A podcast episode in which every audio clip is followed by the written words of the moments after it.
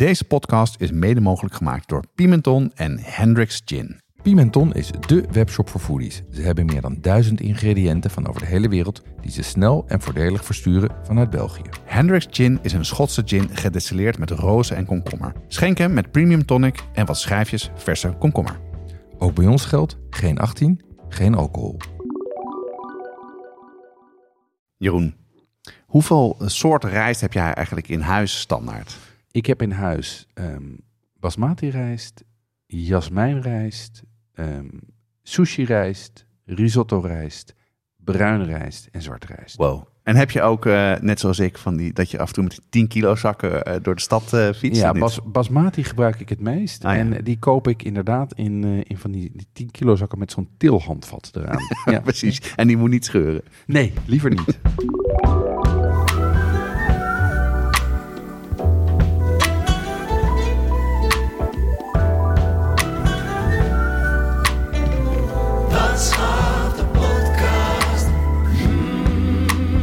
Deze aflevering gaat over gebakken rijst. Ehm, dat is het eh, meest populaire rijstgerecht.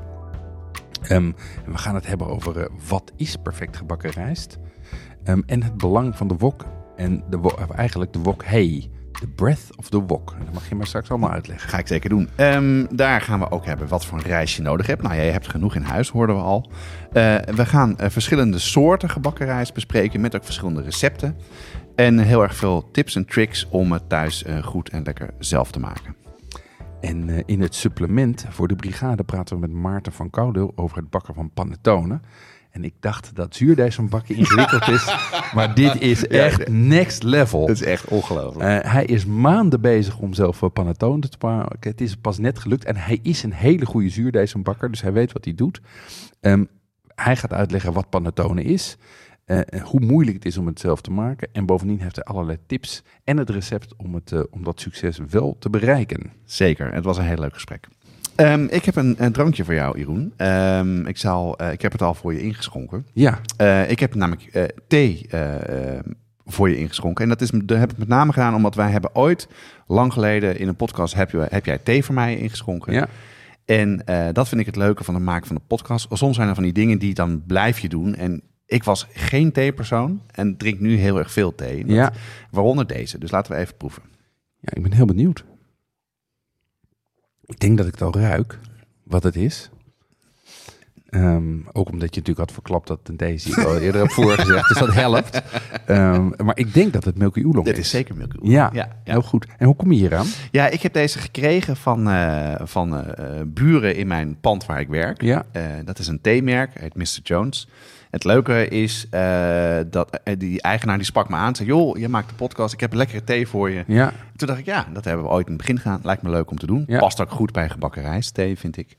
Het leuke van, het, eh, van wat ze doen, is zij zijn heel erg bezig om het biologisch te doen. Dus doen heel erg een moeite om biologische thee of fair trade thee binnen te halen. En dat is nog niet zo makkelijk in die, in die markt, Nee. want bulk is echt niet biologisch. nee. En hij zei, dit is echt heel lekker. Dus daarom dacht ik, nou, eh, We doen weer eens Milky Oolong. ja, Super lekker. Hey, en ik zie, ik heb, er staat hier een zakje voor me. En dat, dat, daar zitten ook hele grote bladeren in, eh, zie ik. ja dit, is, dit, is, eh, dit zijn bladeren. En, en je ziet ook dat die bladeren een bolletje zijn. Die zijn dus opgerold Ja, met, met de hand. ja. En dat zorgt ervoor in het theeproces dat, dat het aan het einde dat het ook nog wat vocht uitgaat. Dan blijft het langer goed. En ehm, ja, en wat het grappige is, kijk, dit Milky Oolong, ehm, ik heb ook eh, gevraagd hoe werkt dit dan? Hoe Ja, maak je dit? Ja, Ehm, thee is een aantal stappen wordt het gemaakt. Je plukt het, ja, eh, je laat het verleppen. Dat is eigenlijk een beetje laten liggen, zodat het vocht eruit kan gaan. ja. En dan heb je een aantal keuzes. Of je droogt het meteen, dan heb je groene thee. Mhm. Of je kneust het, eh, zodat het kan oxideren of fermenteren, maar het heet oxideren. Ehm, en dan kan je het halverwege stoppen, krijg je Milky Oolong.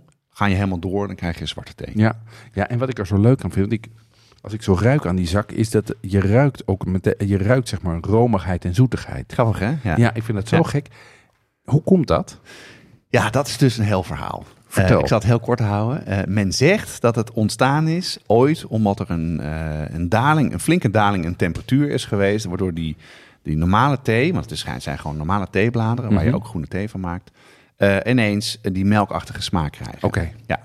En je hebt ook een aantal eh, producenten die als het moment van oxideren plaatsvindt volgens mij, of ergens in het proces, wordt het ook in airconditioned ruimte gedaan, zodat het koud wordt. Dus die temperatuur schijnt daarmee te helpen. Maar men zegt vooral halverwege stoppen. Eh, een ander verhaal, Ja, we hebben het over de voedselindustrie, zeker. is dat er gecondenseerde melk aan wordt toegevoegd. Oké. Ja. Oké.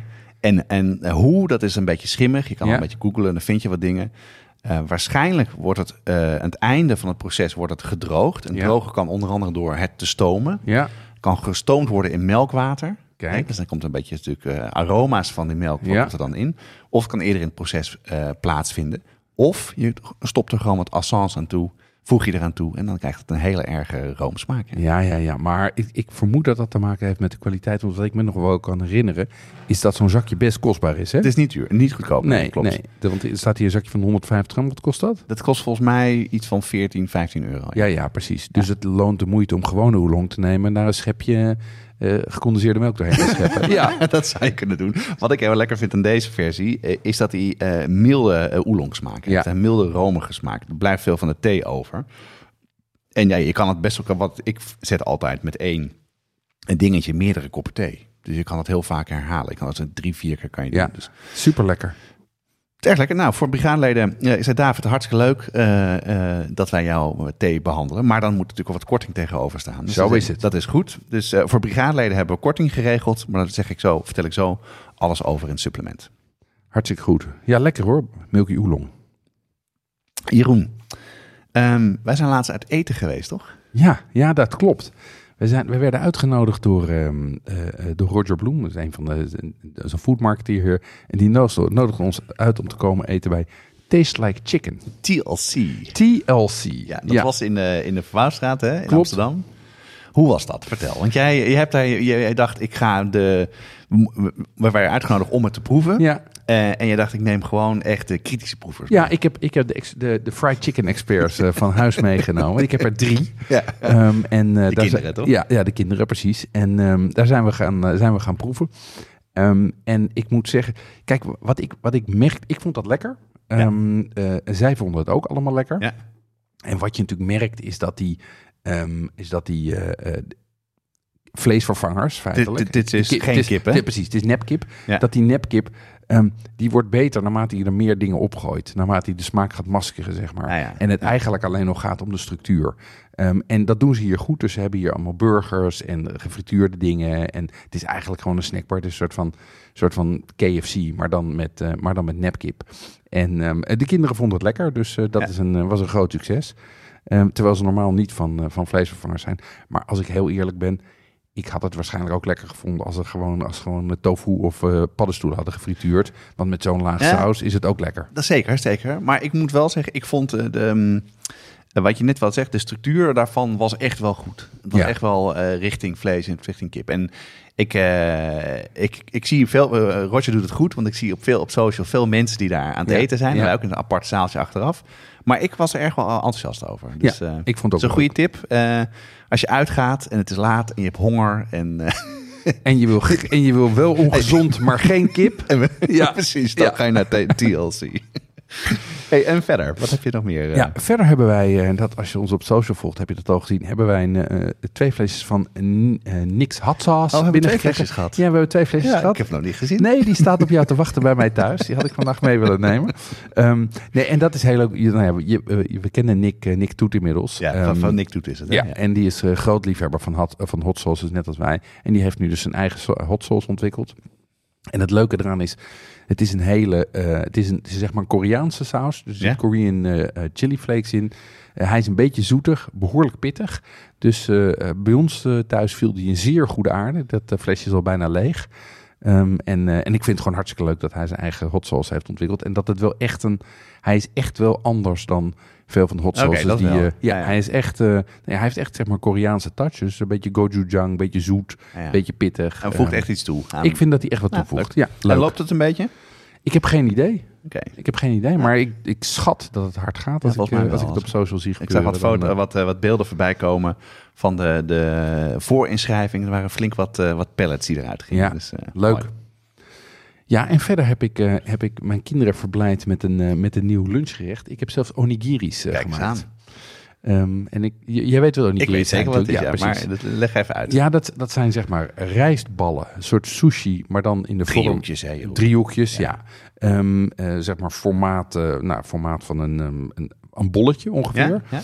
Ehm, eh, een wit bolletje. En die zijn ehm, eh, van binnen gevuld met een vulling. Ja. En aan de buitenkant zit er, ehm, eh, zit er een, een sushi-velletje omheen. Alleen die zijn het lekkers. We zijn eigenlijk alleen lekker als dat sushi-velletje nog knapperig is. Zeker. Dus een norivel, hè? Ja, dat is een norivel. En, en hoe je dat doet is ofwel door hem last minute te kopen. Ja? Ofwel, en dat is wat hier bijzonder is, ofwel met speciale norivellen die in een ingevouwen zitten tussen twee plastic folietjes. Ja. Waardoor je door het slim te vouwen, zeg maar, de- die nori eromheen vouwt. Maar er een laagje plastic zit tussen je nori en je rijst. En bij het uitpakken, er staat ook een uitpakinstructie op, trek je zeg maar dat plastic tussen die nori en die rijst uit. Waardoor je op het laatste gewoon, laat ik zeggen, op het moment dat je hem opeet, pas die nori met die rijst in contact komt, waardoor die krokant blijft. Lekker. En wat heb je erin gedaan? Ja, het, eh, wat ik erin heb gedaan, ik heb verschillende dingen geprobeerd. ehm, maar wat bij mij thuis het populairst is, is het teriyaki chicken. Ja, ja. Dus dan bak ik eh, kip gehakt uit met, eh, met wat sojasaus en doe ik erin. Ja. En, ehm, eh, en het leuke is dus dat je die plastic velletjes, zeg maar, die kan je gewoon kopen bij de, bij de toko. Ja. En dat gaan, ge- krijgen de kinderen nu mee voor lunch. Leuk. Gejuich. Ja, ja, eh, wij maken het ook vaak. Ja. Eh, het was het eerste ding toen wij in Japan waren, een soort verduft van de, van de jetlag eh, in de trein. Dan moesten we even iets kopen. Zagen we dat? En ik, nou, we proberen het wel. Ik heb laatst nog een hack gezien op TikTok Oh, hierover. Namelijk dat je de norivellen in aluminiumfolie inpakt. Ja. Dat je daar een tape overheen doet. Ja. Dat je dat op een bepaalde manier omvouwt. En dan kan je gewoon net zoals wat jij net schetst, gewoon die tape trekken. Dan trek je de aluminiumfolie tussenuit en dan heb je het ook. oh. Bespaar plastic. Ah, heel Dus kijken of ik het kan vinden. En dan eh, voeg ik het toe aan de show notes. Heel slim, heel slim. Zelf knutselen. heb jij nog zelf wat geknutseld eh, de afgelopen tijd, eh Ik Jonas? heb zeker wat geknutseld. Eh, ik heb namelijk zelf zuurkool gemaakt. Weer. Ja, hoe gaat dat ook weer? Hoe doe je dat? Ja, dat is heel leuk. Ik heb eh, eh, met mijn vrouw samen doe ik dat. Zij is Ja. daar heel erg van. En ik heb haar ooit voor de verjaardag een zuurkoolpot gegeven. Ja. Die kan je vrij makkelijk in gewoon eh, in culinaire winkels kopen. In verschillende volumes. Het belangrijkste daarvan is dat er een waterslot op zit. Ja. Dat je er een deksel op stopt. En dat zit dus in de soort van opstaande rand zit erin. Daar doe je deksel overheen. En daar kan je water in gooien. Ja. Zodat die luchtdicht afgesloten blijft. Maar er kan wel eh, eh, koolzuurgas uit ontsnappen. Ja. Hij, hij blupt. Ja. Dus af en toe. Precies. Eigenlijk is het een soort van ventiel waardoor er geen lucht in kan, maar wel lucht uit kan. Exact. Ja. Dus die heb je ook wel voor andere gefermenteerde dingen. Kan je er ook prima voor gebruiken. Nou, je maakt het vrij simpel eigenlijk. Je, je koopt, eh, als er kolen in de aanbieding zijn, koop je die. Ja. Die snij je heel dun. ja. Dan, Gewoon witte kool, gewoon spitskool. witte kool, ja. Eh, spitskool doen we meestal, Ja. ja. Ehm, en dan heb je dus, eh, doe je vrij veel zout erbij. Meer dan je denkt. Maar Mhm. dat is net zoals met fermenteren verandert Ja. dat. En dan moet je dus die bladeren in een grote kom heel goed masseren. Oké. Het zout er goed in masseren Ja. en wat andere smaakmakers die je daar toe kan voegen. En wat gebeurt er dan? Dan breek je de celstructuur. Ja. Eh, dan komt het vocht eruit. Want Mhm. dat vocht heb je nodig om het af te dekken. Nou, als je dat helemaal goed gedaan hebt, kan je ook met een, met een, eh, een stamper van een vijzel bijvoorbeeld doen. Dat werkt ook heel Ja. erg goed. En dan doe je het in de pot. En dan zorg je ervoor dat die pot dat het goed onder water staat. Dus Mhm. van, met dat spul van het water uit het vocht uit die kolen. Ja. Of je voegt een klein beetje water toe. Deksel erop. Kamertemperatuur wegzetten. En dan begint het te bloepen. En dan ben je een maand, anderhalve maand verder. En dan is het klaar. Een maand of anderhalve Ja. maand. Oh, wauw. Het gaat om een pH-waarde. Ja. Dus de pH-waarde, eh, dus door fermentatieproces ontstaat dus zuur. Ja. Net zoals zuurdesem onder andere. En het moet een, geloof ik een pH van 4,5 hebben. Dat is best wel, eh, best wel zuur. Ja. Ehm, dus ik denk dat we het veel eerder hadden kunnen eten. Maar bij ons heeft hij twee maanden gestaan. En je moet een beetje opletten dat hij blijft bluppen. Oké. Dan doe je de deksel eraf en dan ruik je echt dat koolzuur. Dat is heel gaaf. Ja.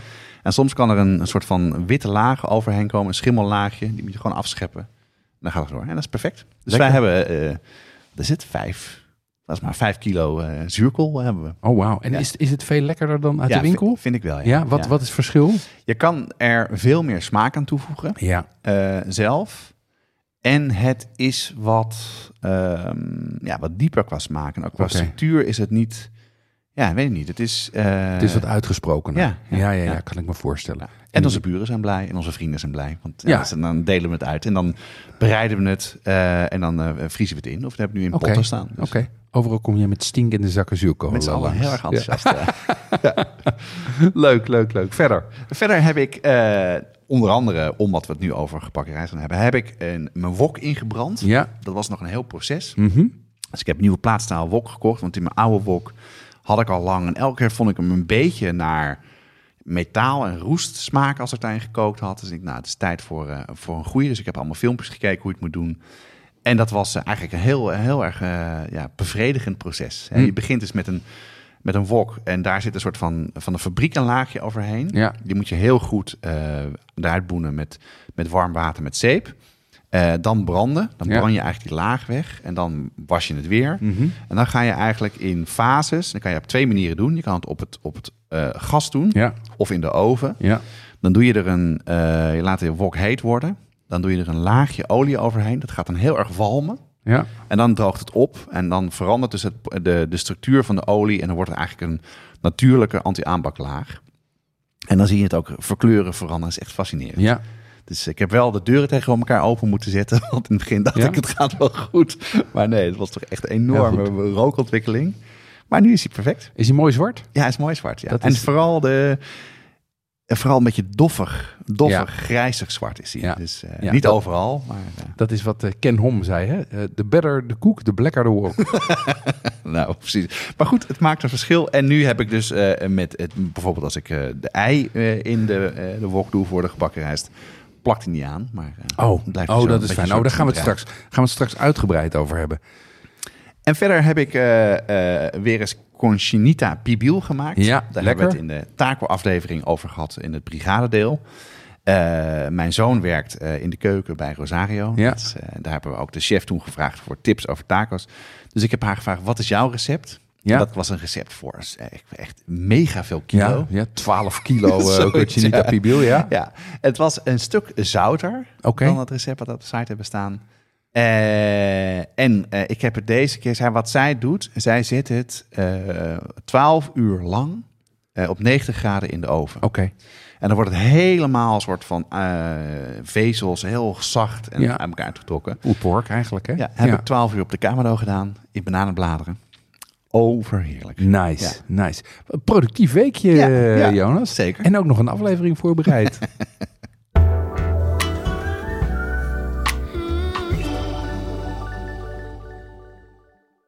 Jonas, we hebben een aflevering gemaakt over hot sauces. Dat deden we samen met de mannen achter Heat Supply. Deze hot sauce bazen hebben zelf ook een serie sausen uitgebracht. Rijmakers, heetmakers genaamd. Ja, en dat zijn sauzen die niet alleen maar focussen op hitte, maar ook op smaak. En dat is voor ons een kenmerk voor een goede saus. Ze lopen op in pittigheid, eh, van de milde immune booster tot aan de brain buzzer die behoorlijk heet is.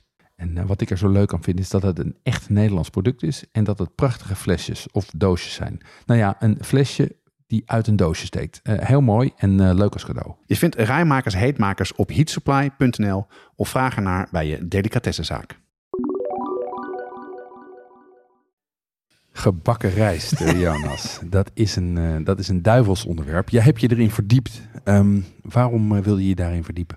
Nou, dat, omdat ik het vaak maak. Ja. En het is simpel, maar toch heel moeilijk. Het is super populair. En dat valt ons ook op op de site. Want we hebben een oud recept op de site staan. Er Ja. wordt heel erg veel bezocht. En, en ja, het is ook veel meer dan één gerecht. Het zijn heel erg veel soorten. En ik vond het wel tijd om te, te begrijpen wat ik verkeerd deed en het lekker te maken. Dus Ja. eh, daarom leek me. Het is altijd een, goed, een goede excuus om dan een onderwerp voor de podcast van te maken. Ja, leuk, leuk. Hoe heb je het aangepakt deze keer? Ja, jij zei toen we het hierover hadden, zei je, je moet even met, eh, met jouw zoon Melle Ja. contact hebben, want die heeft zich daar helemaal in verdiept. Nou, dat heb ik gedaan. Die heeft eh, allemaal filmpjes opgestuurd. Die heb ik allemaal bekeken. Ook andere filmpjes op YouTube, want daar is heel veel over te vinden. Vooral Uncle Roger. Ja. Eh, en ik zal er een aantal ook in de show notes zetten, want het is leuk om maar te kijken. Eh, daar zie je hoe het gemaakt wordt. En dan zie je ook, krijg je ook commentaar van onder andere Uncle Roger. Dat is, die is hilarisch. Ehm, en ik heb het eh, boek gelezen, The Walk, van eh Kenji Lopez Alt. En dat is echt een fantastisch boek waar alles in wordt uitgelegd. En ik heb dus heel erg veel gekookt. En met mijn gezin en alles uitgeprobeerd. Jullie hebben wekenlang gebakken rijst Ja, gegeten. Dat is wel vaak, Ehm, ja. dus ik, jij mag je inmiddels een gebakken rijstexpert noemen.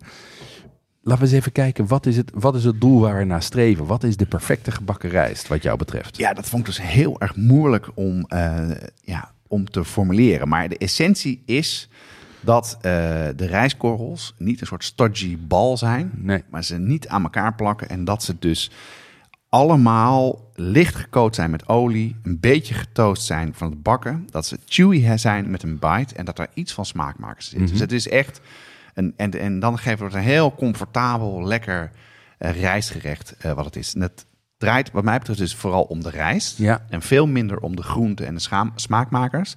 Dat deed ik al heel erg verkeer- verkeerd. Ja, ja, herkenbaar. Niet te veel saus als sojasaus of eh, wat is het? Ehm Woksaus of ketchup dat soort. Ja, of, ja. ehm, of ehm, oestersaus, wat ook wel veel gebruikt wordt. Eh, en het draait allemaal om de wok hay. Ja, ja. ja dat, die wok. Jij? Ja, Ja? dat het is grappig dat je het zegt. En Want ik heb eenzelfde, een, een beetje vergelijkbare ontwikkeling doorgemaakt. In het begin gooide ik er ook heel veel groenten door en heel veel saus. Ja. En dan krijg je bijna een soort van Aziatische risotto. Ja. Krijg je zo'n natte klets. Wel lekker, maar Ja, maar, maar niet, niet dat wat je krijgt als je in Azië eet. En wat inderdaad lekker is, is als je die losse rijst hebt met een paar stukjes eh eh, groente erin.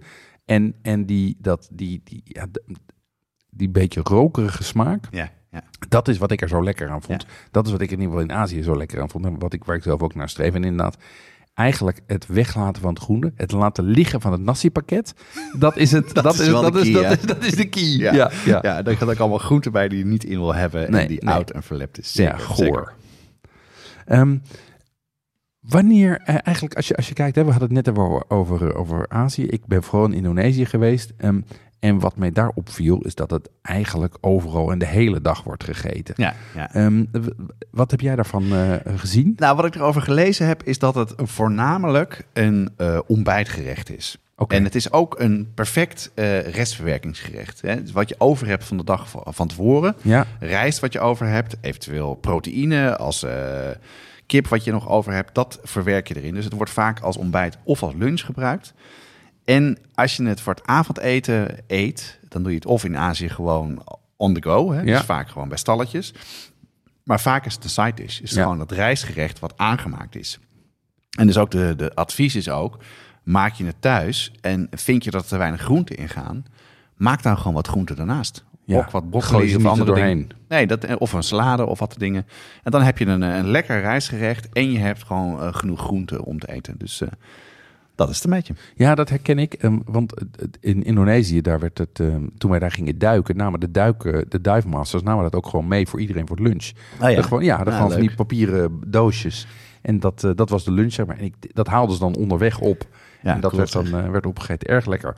Ehm, we hebben het nu steeds over gebakken rijst of, of, eh, eh, of fried rice. Maar dat is toch niet één gerecht? Nee, zeker niet. Nee. Zeker niet één gerecht. Eh, er zijn, eh, eigenlijk kan je wel stellen dat in Azië bijna elk land zijn eigen versie of versies, want er zijn Mhm. er ook wel meerdere versies in een land, eh, die heel populair zijn. Er zijn wel een paar echt wel bekende, zoals de egg fried rice in China. Ja. Het heeft ook een Chinese naam, dat ga ik niet uitspreken. Nee, kimchi fried rice uit Zuid-Korea. heel Korea. lekker. Ja, En een nasi goreng uit Indonesië. Dat Ja. zijn wel echt de, de bekendste. En die wil ik ook zo direct met je gaan behandelen en doornemen.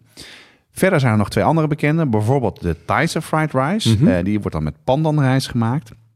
En daar zijn de smaakmakers vooral vissaus of oestersaus. En veel witte peper en koriander. oké, witte peper. Ja, Ja. interessant. En eh, in Japan heb je ook gebakken rijst. Je hebt ook een versie die eigenlijk gewoon de Chinese versie is. Maar je hebt ook omu-rijst. Ja. En dat is, dat ken je denk ik wel.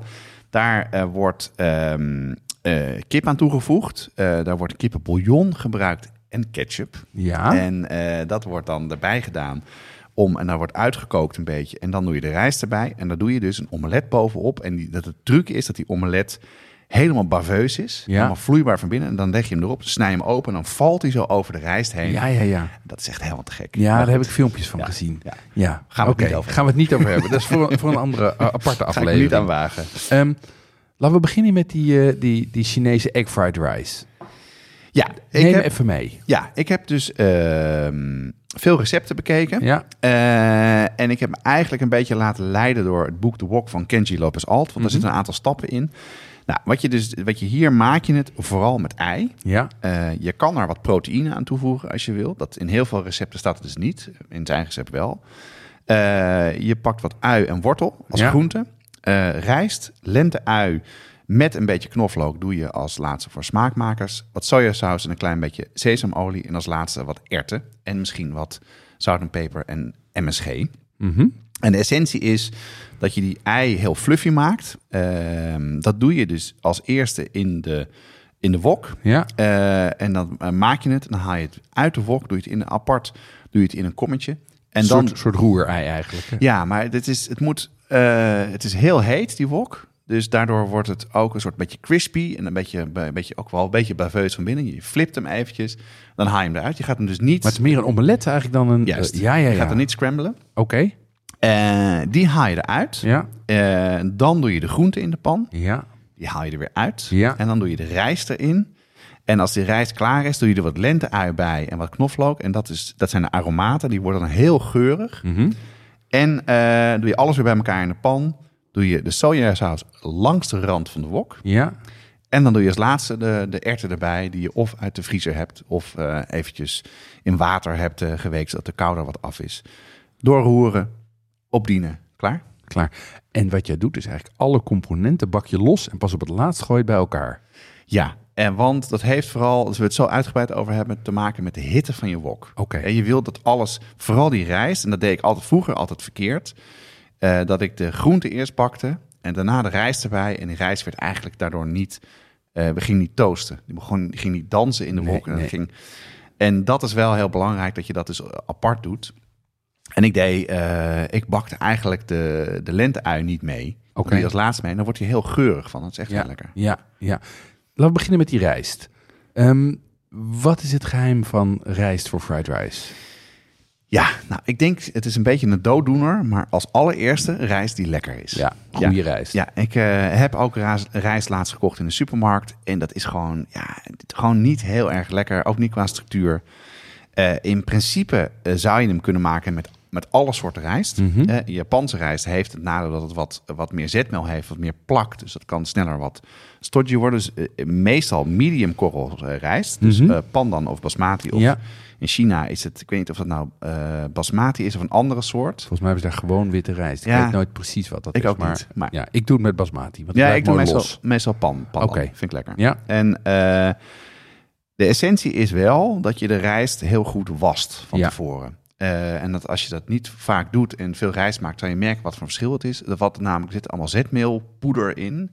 En dat zit over de korrels en dat was je er eigenlijk uit. Eerst is het water heel melkachtig wit. ja. En later wordt het minder. En dat voorkomt dus dat het gaat plakken aan elkaar. oké. Dus eh, dat wil je heel erg graag.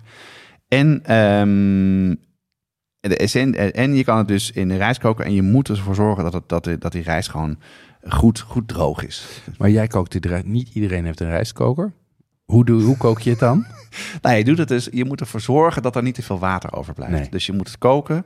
Eh, volgens mij is een methode. Je kan eh, eh, rijst opzetten, water erbij. Dan doe je je vinger erin. Dan moet het tot je eerste knokkel Ja. moet het komen. Ja. 15 minuten uit mijn hoofd koken. Dan, als er te veel water in zit, water afgieten. Deksel erop. het liefst in een goede pan die goed warm blijft. En dan dus laten stomen in de pan. Ja, ja en wat, wat ik in ieder geval doe, want ik heb geen rijstkoker, ehm, is dat ik hem, ehm, eh, ik, als, je, als de rijst eenmaal kookt, daarna zet ik het vuur eigenlijk laag. Ja. Dus ik laat hem niet echt koken. Het is bijna meer tegen de kook aan Ja, zitten. ja. Dan verdampt er ook minder water en dan, eh, en dan krijg je een goede, mooie, droge rijst. Maar zoals eh, een van de filmpjes van Uncle Roger. als je dus veel water in je rijst hebt, dan is het echt een no-go. Want dan is die, die rijst veel te nat. En dan gaat het helemaal mis met, met het maken van gebakken Ja, en je gooit ook smaak weg natuurlijk, want die Ja. spoel je er ook uit. Ja. Ehm, ik heb altijd geleerd dat je de beste rijst maakt met rijst die een dag oud is. ehm, en uit de koelkast komt. Dat doe ik zelf ook. Dan kook ik hem 's ochtends, zet ik hem in de koelkast, bak ik hem s'avonds. Ja. Is dat, is dat de enige manier? Het, is, eh, eh, het is wel de beste manier. Mhm. Eh, maar niet de enige manier. Het, het gaat er namelijk om dat, de, dat de rijstkorrel droog is. Oké. En dat is natuurlijk nadeel als je het net zelf maakt En het is klaar en uit de pan. Is hij warm en Ja. vochtig. En, en in, de, in de koelkast, en dat is een nacht oud, dan droogt het goed uit. Want Ja. de koelkast droogt heel veel dingen. Dus je moet in een, in een kom oh, eh, zonder deksel in je koelkast zetten. En dan eh, heb je dus eh goede droge rijst. Maar je moet natuurlijk wel opletten, als je het dan gaat verwerken... Ja, dan kan er toch ook nog wat condens op zitten. En dan, Ja. maar je kan het dus ook heel goed doen met zelf net gemaakte rijst. Mhm. De truc is dat je dan eh, heel snel na het maken uitspreidt op een ovenschaal. Ja. Dat het helemaal, helemaal, soort, helemaal plat is. Ja, En dat je het op een, op een tochtige plek zet. Of als je een eh, ventilator hebt, dat je het erop zet. Zodat die heel erg uitwasemt en zo snel mogelijk dat vocht, eh vocht eruit oké. Oké, slim. Andere tip van Emma de Touar zag ik. En die, die zei, ja, dat kan je dan ook nog even in de vriezer doen. Dus die schrijft dan nog even in de vriezer. En dan droogt die ook goed ja, uit. dat En- droogt natuurlijk nog extra uit. Ja, Ja. dat begrijp ik. En een andere ding, en dat is, eh, dat is wel vaak als je het dus in de koelkast doet, dan haal je het eruit. En dan kan het ook wel een beetje aan elkaar zitten. Ja, Dus je moet vlak voordat je de rijst gaat maken, moet je ervoor zorgen dat die rijst helemaal ja, opgebroken is. Dus je moet er met je handen of met je vork voor zorgen dat het echt helemaal loskomt. ja. Lukt dat niet, dan heb je een andere tip en dat is om wat aardappelzetmeel of wat maizena Oké, er doorheen te doen. oké. Eh, ik geloof een theelepel. Eh, en dat wat zorgt er namelijk voor dat er een soort coating overheen komt, dat die korrels wat losser zitten. Ja, snap ik. Precies zoals het ook met eh, geraspte kaas in eh zakjes zit. gaat. Ja, ja, maar het is wel een hek een beetje. Hè? Het is een beetje een hek. Een beetje een hek. Ja. Maar goed, als je, als je natte rijst Ja. bent toch wil bakken. Maar als ja. je het op een avond zelf wil bakken, je maakt eerst je rijst. eh je denkt, het is nog niet goed. Een klein beetje doorheen. Het, schijnt, het schijnt heel goed te werken. Ja, ja, herkenbaar. Ja, ik roer hem ook altijd, als hij ligt te drogen, roer ik hem altijd een paar keer door. Zodat hij mooi, dat alle, eigenlijk alle korrels individueel goed, goed uitdrogen. Ja. Ehm, goed, dan hebben we dus die goede, droge, losse rijst.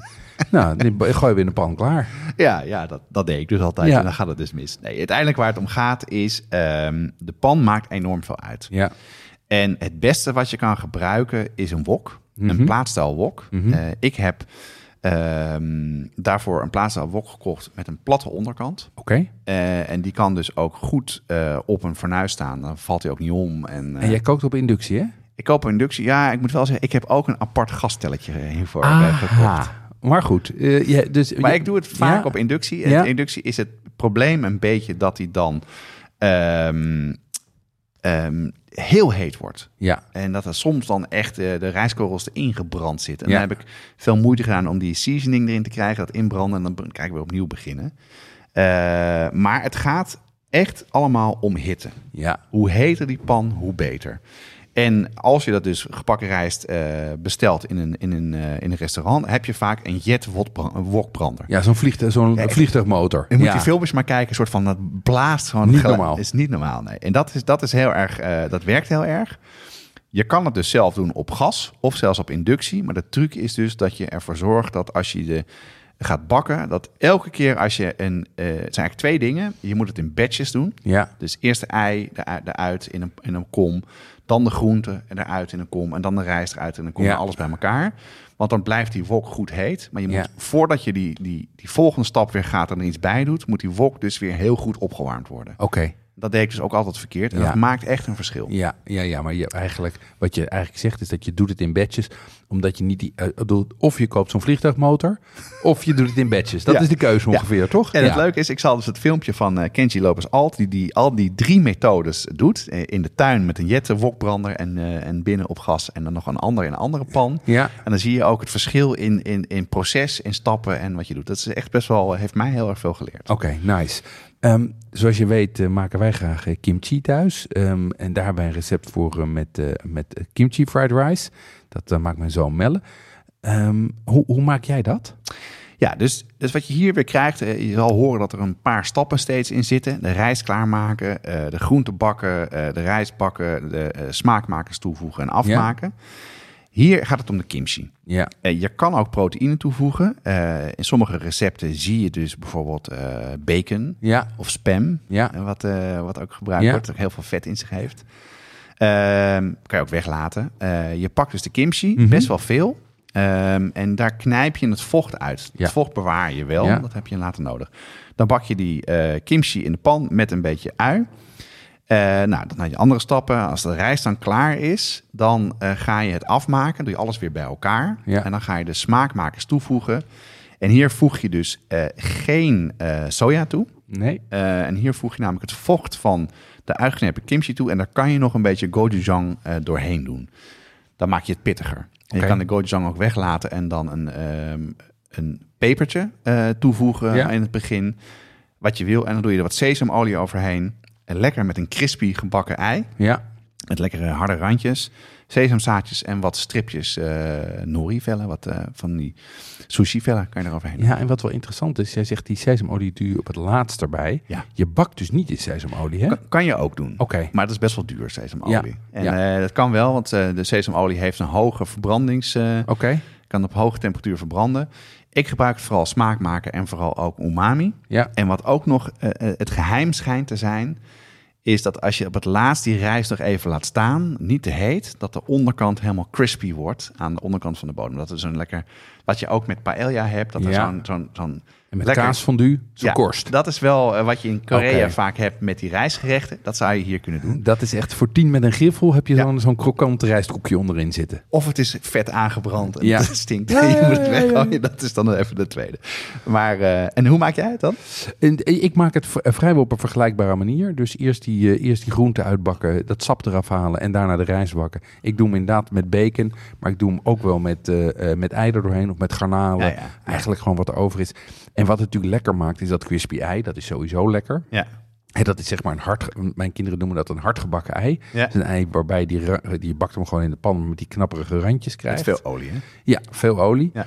Ehm, eh, en, eh, en daarna inderdaad sesamzaadjes. Nori strips is natuurlijk ook heel lekker daarbij. Dus eh, het is een, bij ons ook een, een, een favoriet lunchgerecht. Ik heb ook wat dat betreft, in mijn keuken heb ik alle stappen heb ik in bakjes van tevoren klaargemaakt en gesneden. En het staat al in volgorde van handelen klaar. Want het gaat best wel snel. Ja, En dan kan ik echt niet meer het, recept erbij halen.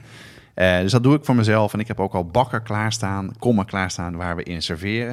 En die gebruik ik dus al halverwege om de, in de tussenstappen even iets uit de wok te halen. Wok weer warm te laten worden en verder te gaan. eigenlijk kook je als een televisiechef. Zeker, Ja, zeker. ja, leuk, leuk. Hey, ehm, als, we, als, we het, als we het hebben over eh, bakken, heb je het ook over eh, zoek je wokhei, hè? Ja, ja. Misschien- laten we het daarover hebben, ja. Misschien is het goed om dat even uit te leggen. Dat is eigenlijk een. En als je dat nooit hebt geproefd, dan is het lastig voor te stellen. Maar dat is een beetje licht gebrande, rokerige smaak. Ja, ja, zonder dat het heel erg rokerig is qua, qua hout. Maar nee, heeft- maar het heeft iets een beetje verbrande olie, Ja. eh, maar in a good way, zeg maar. Ehm, en die is essentieel voor een goede, voor het aroma van een, eh, van een gebakken eh, rijst. Ja, Ehm, en het zijn de, de hitte en, het, en, en gas eigenlijk die zorgen voor die wokhei. zeker, zeker. Ehm, maar ik heb gezien, en ik heb dat ook geprobeerd, dat je dat ook met een gasbrander kan doen. Kijk, dat is dus het ding, hè. Eh, daar staat, heeft, dus, dat is het boek zo leuk voor, want er staan gewoon, nou, ik denk wel vier pagina's over met hoe dit in elkaar zit. Dus dat heb ik allemaal gelezen en uitgeprobeerd.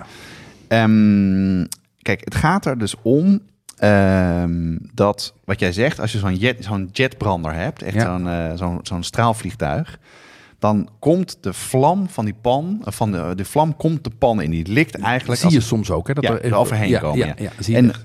en als je het goed doet, dan schep je het goed om en dan is het heel snel klaar. En dan zijn er dus een aantal oliedruppeltjes die dus dan zweven rondom het gerecht. Die verbranden. Dat geeft de smaak. Ja, ja. Kenji heeft alles uitgeprobeerd en proefgekookt. Het heeft eigenlijk met drie dingen te maken om het thuis te krijgen. Het heeft ook te maken met wok.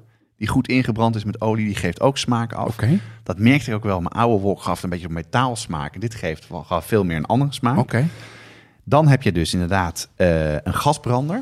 En dan probeer je dus met die gasbrander probeer je dus die oliedeeltjes probeer je dus te verbranden. Ja. Ik had dat niet goed gelezen in het recept. Dus eerst heb ik alles vol op de rijst gezet. Ja, ja, ja. Maar dit, dit zo'n zo'n crème brûlée brander is dit, hè? Precies, ja. Ja, ja, je ja. er dus naast. En eigenlijk doe je in de stap dat je de rijst gaat bakken. Eigenlijk de derde stap. Dan hou je hem 10 centimeter boven de rijst. En dan komen de oliedruppels die loskomen en die verbranden dan. Ja, Nou, probeer dat maar wel te doen met een wok, eh, hitte, omscheppen en dan zo'n ding. Hij zei ook, je kan ook je vrouw of je man of iemand in het huis vragen om hem erbij te halen. Ja. Ik heb het wel gedaan. Ik heb wel het gevoel dat het, dat het, eh, dat het dus lekkerder is. En de derde is, ik zei net in die eh, egg fried rice dat de sojasaus langs de rand van de wok gaat. ja, ja, ja. Dat zie je ook ehm, in meerdere filmpjes terugkomen. En dat heeft ermee te maken. Wat je namelijk niet wil, is dat, dat, dat, die- dat je hebt zoveel moeite gestopt om die gebakken rijst lekker getoast en crispy te krijgen. Mhm. Dat je er eigenlijk gewoon weer eh, een soort van vocht bij gooit en het gaat stomen. Dan heb je al het werk voor niks. Dus dat is één ding. Dus daarom doe je hem langs de zijkant. Maar wat hij dan ook doet, is dat die wok is heet. Mhm. En meteen gaat die sojasaus dus karamelliseren en verbranden. En dat geeft ook iets van een rooksmaak. Ja, ja, ja, ja, ja. ja. Dus de wok hey is een goede wok. Eh, een, eh, een crème brûlée brander erbij. En dan Ja. langs de rand eh, op het laatst even de saus erin gooien. Oké, heel goed. Ehm, dus ja, dit, het, het, het leek zo'n eenvoudig gerecht, maar we hebben nu toch een aantal, we hebben toch wel een aantal belangrijke tips. Ehm, zijn, er, zijn er nog andere dingen die, je- waar ik op moet letten? Zeker. Kijk, wat, wat een van de allerbelangrijkste dingen is, is je voorbereiding. Is dus de mise en place, op Ja. zijn Frans, alles van tevoren snijden. Ja, En echt alles klein snijden. Oké. Dus, eh, want je, de bedoeling is ook dat je het gerecht met stokjes kan eten. Dus Ja. er moeten niet grote stukken in zitten. nee, Dat vond ik ook opvallend. De proteïne die je erin doet, moet of heel snel gaar zijn, ja. Garnalen? zoals garnalen. Ja. Of het moet al gaar zijn. Oké, Dus de kip moet je eigenlijk al gebakken hebben. oké. En dat is meestal van de dag van tevoren. Die snij je in hele kleine blokjes. En ehm, dat is een van de allerbelangrijkste dingen. Dat zit je helemaal klaar. Ja. Daar ben je even mee bezig. En dan wat ik al zei, moet je dus in, in stappen werken met die kommen. En je moet olie gebruiken die goed tegen hitte kan. Oké, En eh, in het boek staan er, nou, uit mijn hoofd, 15 of 20. Oké. Met een hele grafiek met allemaal dingen. Maar er zijn eigenlijk twee het beste. Rijstolie ja, en pindaolie. oké. Die hebben een hele hoge eh, verbranden pas op een hele hoge Ja, temperatuur. ja, ja. Dus en dan eh, blijft die smaak lekker. En ze hebben veel verzadigd vet in zich, wat je ook moet hebben. Oké, Wat ook goed klein schijnt te werken, is geklaarde boter. ja. Dat Ghee? ook heel, ja, heel goed eh, te gebruiken. Oké, Ja. oké. Dat maakt dus wel uit. Om, Hmm. eh, ik doe het dus nu met zonnebloemolie. En Ja. dat is best oké. Eh, maar ik ben nog wel op zoek naar die andere olies. Die rijstolie. Rijstolie ligt ook gewoon bij de, bij de supermarkt. Dus, Weet eh, ik, weet ik. Kan niet op de lijst. Heel goed. Ehm, en nog even terug naar je, want jij zegt, ik, eh, ehm, jij kookt op inductie, Ja, maar je hebt hier een gasbrander voor. zeker. Hoe zit dit, Jonas? Ik heb nou, de, bij ehm, de meeste gasstellen met een wokbrander. Daarvan is de wokbrander eigenlijk niet, niet, Nee. niet eh, zeg je dat? Niet krachtig genoeg. Krachtig genoeg. Zo simpel ja. is het. Ja, dus Ja. je hebt een aantal, eh, dat wordt vaak in BTU uitgedrukt. Ja, Eh, en dan als je ook gaat zoeken, dan vind je ook wel dat, dat, wat je daarvoor moet hebben. En ik heb eh, zitten zoeken toen ik dus overging van gas naar, eh, naar inductie. Van oké, kan ik niet zo'n campinggas of van ja, eh, dingetje kopen, maar dan de, de sterkste. oké. En er is er één. Ja, En dat is de, de Iwatani ZA3HP. ja. En die gaat tot 15.000 BTU. En dat is eigenlijk het, het, het, het krachtigste wat je kan krijgen. En dat is een tafelmodelletje, hè? Ja. Dat is gewoon zeg Ja. maar formaat van eh, vierkante laptop. Ja, zeg wat je ook wel vaak ziet in, eh, in restaurants, wat wanneer wordt gezet. Ik gebruik het ook bijvoorbeeld voor, voor kaasfondue. Ja, Of als ik buiten Ja. wil, wil, wil koken. En eh, tot mijn grote geluk las ik ook in het boek van Kenji Lopez Alt. Je kan ook een aparte wok, eh, wokbrander kopen. Koop dan deze. En dat was precies, ik heb even gegoogeld, dat is precies wat het is. die zetten wij in de show notes. eh, Zeker weten. Heel goed, zeker heel goed. weten. Ehm, die- ik- eh, Onkel Roger ken ik. Onkel Roger is zeer leuk om te volgen. Die heeft, dat is een, eh, is een Amerikaanse eh, stand-up comedian. Oh, is het een stand-up Een comedian? stand-up comedian, Ah, ja. Dat wist ik niet Ehm, eens. tenminste, hij is inmiddels stand-up comedian. Ehm, hij is, over- heeft overigens gewoon een universiteit gestudeerd. Dus een, een hele, eh, een, een volledig Amerikaanse kerel, maar met een Aziatische achtergrond. En die becommentarieert vooral andere chefs over hoe ze koken. ja. Ehm, en een van de dingen die hij zegt, de cast iron is the white man's wok. Want hij vindt dat wokken ook altijd verkeerd gaan. Ehm, eh, dus ja, ik, ik denk dat ik wegga van mijn RVS. En misschien dat ik dan gewoon weer eens een ouderwetse watjang ga nemen. Ja, zo'n ja, ja, gietijzeren, zo'n gietijzeren wok. Ja, kijk, in, dat, dat, ehm, in het boek staan ook foto's, eh, warmtefoto's, met hoe die warmteverspreiding Nice. is in, in, in de wok. Ja. Kijk, het kan zeker. Eh, je kan het ook gewoon in een koekenpan op zich maken. Maar je, je hebt die hitte echt nodig. En eh, ik heb ervoor gekozen, wat ik al zei, om een plaatstaalwok te kopen met een platte bodem. Oké. En ik had dus dat hele speciale gasdingetje gekocht. En mijn vrouw ging een keer gebakken rijst maken. En op een gegeven moment kijk ik in de keuken en denk ik, hè? Waar is het gasdingetje dan? Ze had er niet over nagedacht. Gewoon op de inductie gezet. En dat Ja. werkt ook prima. Werkt ook goed. Ja. Oké. Dus dat kan je doen. Eh, ja, het is alleen een beetje... Het, kijk, het, het voordeel van een, van een eh, gasvlam is dat de onderkant heel heet wordt, maar de buitenkant warmt Zeker, ook op. ja. Ook de zijkant wordt opgewarmd. En inductie is natuurlijk alleen daar waar je contact hebt met de plaat. En kijk, in Ja. een wok is heel lekker omdat je daarmee op verschillende plekken verschillende hittes hebt. Ik moet wel zeggen, die gasbrander erbij had ik toch staan. Dat werkt ook wel een beetje om hem goed heet te maken. Dus ik heb Ja. geëxperimenteerd op gas of op eh, inductie met een gasbrander en dan een beetje warm maken. En eh, ja, het is vooral, ik denk, eh, de allerbelangrijkste tip die ik eruit heb, geha- uit heb gehaald is in fases bakken. En dan die wok gewoon, wok gewoon goed heet. Goed heet En ik zou toch een plaatstaal kopen. Ik, eh, ik ga eens even rustig kijken wat ik, wat ik, waar ik nog ruimte voor heb in de keuken.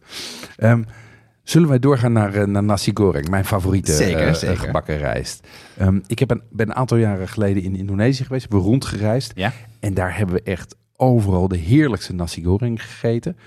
Ehm, heb jij daar ook een, eh, een recept voor? Zeker. En wat andere twee recepten van eh, kimchi fried rice en egg fried rice staan gewoon op de website. Hè? Dus dan kunnen mensen ook dan zelf, Tuurlijk. zelf maken. Ehm, ja, dat heb ik zeker. Ik heb echt best wel wat dingen. Eh, ik heb een paar boeken erbij gepakt.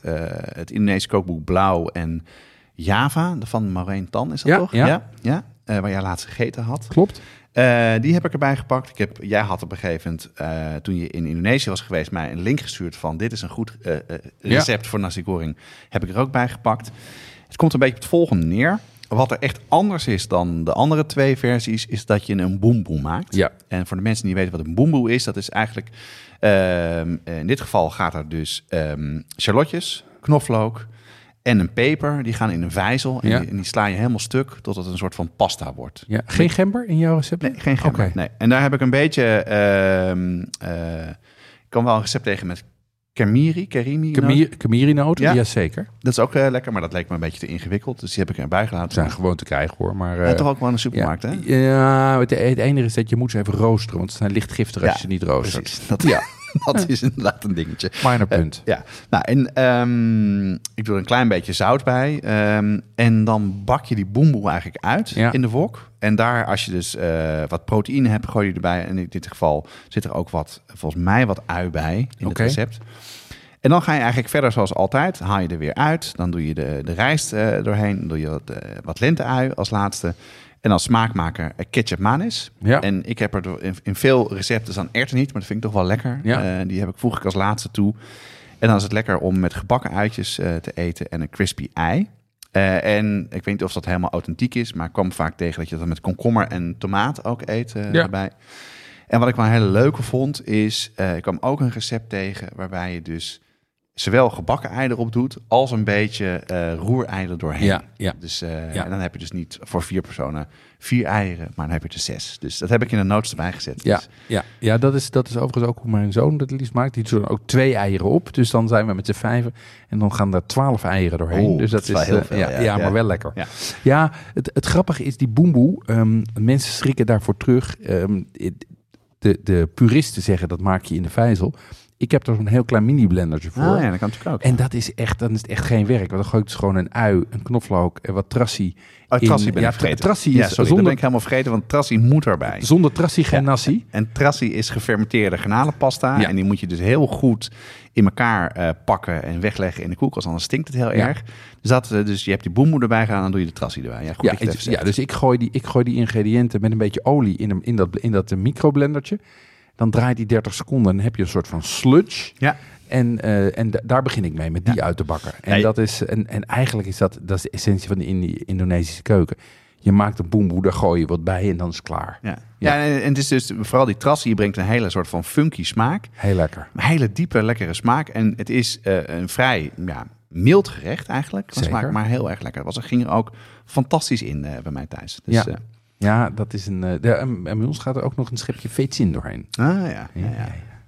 Goed, laten we het even samenvatten. Ja, uiteindelijk het draait gebakken rijst eh, om een stappenplan met verhoudingen. Dus eh, de stappen zijn stap 1, rijst voorbereiden. Dus of in de koelkast of even goed droog maken. En dus ervoor zorgen dat die opgebroken wordt, dat die dat Mooi die los is. Mooi los Ja. zit. Dan maak je je mise en place. En bij die mise en place kan je gewoon, als je eh, gewoon wil kijken wat je in je koelkast hebt, is het een beetje, als je een, nou, het is ongeveer voor vier personen, eh, heb je ongeveer 90 gram proteïne, 150 gram groente, 450 gram rijst en ongeveer 10, 15 milliliter saus. Nou, en als je dat een beetje aanhoudt, dus best wel weinig groente op de rijst. Ja, Eh, en Best wel weinig proteïne En ook. best wel weinig proteïne, ja. Ja. En ook niet zoveel saus. Nee, dat is dus... nee, heel weinig saus. Ja, dat maak je allemaal van tevoren klaar. Ja. Ehm, dan start je dus eh, met, als je de ei gaat bakken, als eerste met je ei, dan je groenten. Steeds in stappen haal je het eruit. Dan bak je je rijst. En als laatste eh, voeg je dan eh, je aromaten toe. Je lenteui, je kruiden, je saus. Alles wat je in de bakken hebt. En dan ben je klaar. En als je deze stappen aanhoudt, met een goede hete wok steeds tussendoor, trek je de koelkast open en dan kijk je wat erin ligt. En dan eh, eet je het lekker als ontbijt. Ja. Wat? Ja, klinkt heel goed. Ja, wat ik hier nog heb, aan heb overgehouden aan wil toevoegen is dat ehm, gebruik inderdaad een goede wok. Die is ingebrand. Ja. Die, die echt, ehm, het alles draait om die hitte. Dus dat is ook waarom je erin en eruit gaat. Je moet telkens zorgen dat zodra die ingrediënten de pan raken, moet die bloed en bloed en bloedheet zijn. ja. Dus je kan het niet langzaam maar zeker bij elkaar gooien, want dan zakt die temperatuur steeds verder en verder. En heb je eigenlijk alleen dat je, dat je eerste dingen goed aangebakken zijn. Dus je moet die hitte terug laten komen. Ik gebruik rijst van een dag uit. Eh, of eentje die heel goed is uitgedroogd. Maar eigenlijk vind ik het het makkelijkst om gewoon 's ochtends rijst te koken. Die laat ik de hele dag op het aanrecht staan. En de volgende Ja. dag. En, en s'avonds is die prima. Ehm, en inderdaad, alles van tevoren snijden en zet het klaar. Koken als een televisiechef met van die kommetjes. Ja, maar dat is het wel. Want dan, dan gaat het ook heel snel. Hè? Het is niet dat het daarmee. Het enige wat je daarmee meer krijgt is afwas. En niet veel meer Ja, tijd. Want maar je bent- moet het toch doen. Toch in eh, vijf minuten ongeveer klaar ermee. En heel weinig saus. Dus laat die flesjes woksaus uit de supermarkt, je- laat die staan. Ja. Want dan staat er dat zo'n heel flesje doorheen moet. Ja, Nee, krijg je natte klets. Dan krijg je een soort van, soort van stampot. Krijg je dan. Ja, en laat ook die plastic zakjes, wat je al eerder zei, eh, met die, eh met die nasi groenten gewoon links liggen. Gewoon links liggen. Gewoon een, za- een zakje, wat, ik- wat ik in Indo- Indonesië zag. Gewoon een zakje ertjes of ertjes en worteltjes uit de vriezer. Dat is genoeg. Ja, want die, want die erwten, dat zijn, daar gaan er best wel wat in als je dat eh, afweegt. Ja, gewoon, gewoon Ja. twee handen gaan er bij mij meestal in. En dan kan Ja. wel iets meer nog. Ja, kijk. Voordat je het weet heb je een hele erwten. Ja. Maar goed, goed. bekijk de recepten. Probeer het echt een keer. Het is als je het nog nooit zo hebt gemaakt. Dat is in ieder geval mijn persoonlijke ervaring en bij mij thuis. Eh, het wordt echt heel erg veel lekkerder van en veel simpeler. En eh, dit is nu wel mijn go-to manier om gebakken rijst te maken. ja, bij ons staat hij ook eens in de week op menu. Voor de luisteraars van de gratis podcast zit het erop voor deze aflevering. Voor de brigade gaan we nog even door met het supplement. Ja, en het supplement kijk ik rijkhalsend naar uit, want dat wordt super nerden over eh, bakken met zuurdesem. Desem. Jonas praat met Maarten van Kool- Koolul over panettone. En dat is ook een zuurdesembereiding. Ehm, het is echt heel moeilijk om zelf te maken, maar daarmee dus ook des te bevredigender als het lukt. Ehm, en Maarten is hier al maanden mee bezig en deelt al zijn tips en tricks. Ik ben dus ook heel benieuwd of, of, of hij jou zo ver gaat krijgen om het te proberen. Ik denk ergens... Ik denk dat dat wordt mijn volgende sabbatical, wordt dat denk ik. Ja, ja, ja. Nou, ik denk met de tips, met de, met de, de, de rollercoaster die hij heeft meegemaakt, dan gaat het je sneller goed lukken. We gaan het zien. Als je lid wil worden van de brigade, ga dan naar petjeaf.com slash podcast en meld je aan. Deze podcast wordt gemaakt door Jonas Nouwen en Jeroen Doucet. Met speciale dank aan Maarten van Kauliel. Het team bestaat uit Corianne Straathoff, Annie Tazelaar, Paul Veldkamp, Kato van Paddenburg en Jesse Burkunk. En de muziek is gecomponeerd door Nico Bransen en Ton Dijkman en wordt uitgevoerd door Mel en Vintage Future. Tot de volgende keer. Tot de volgende keer.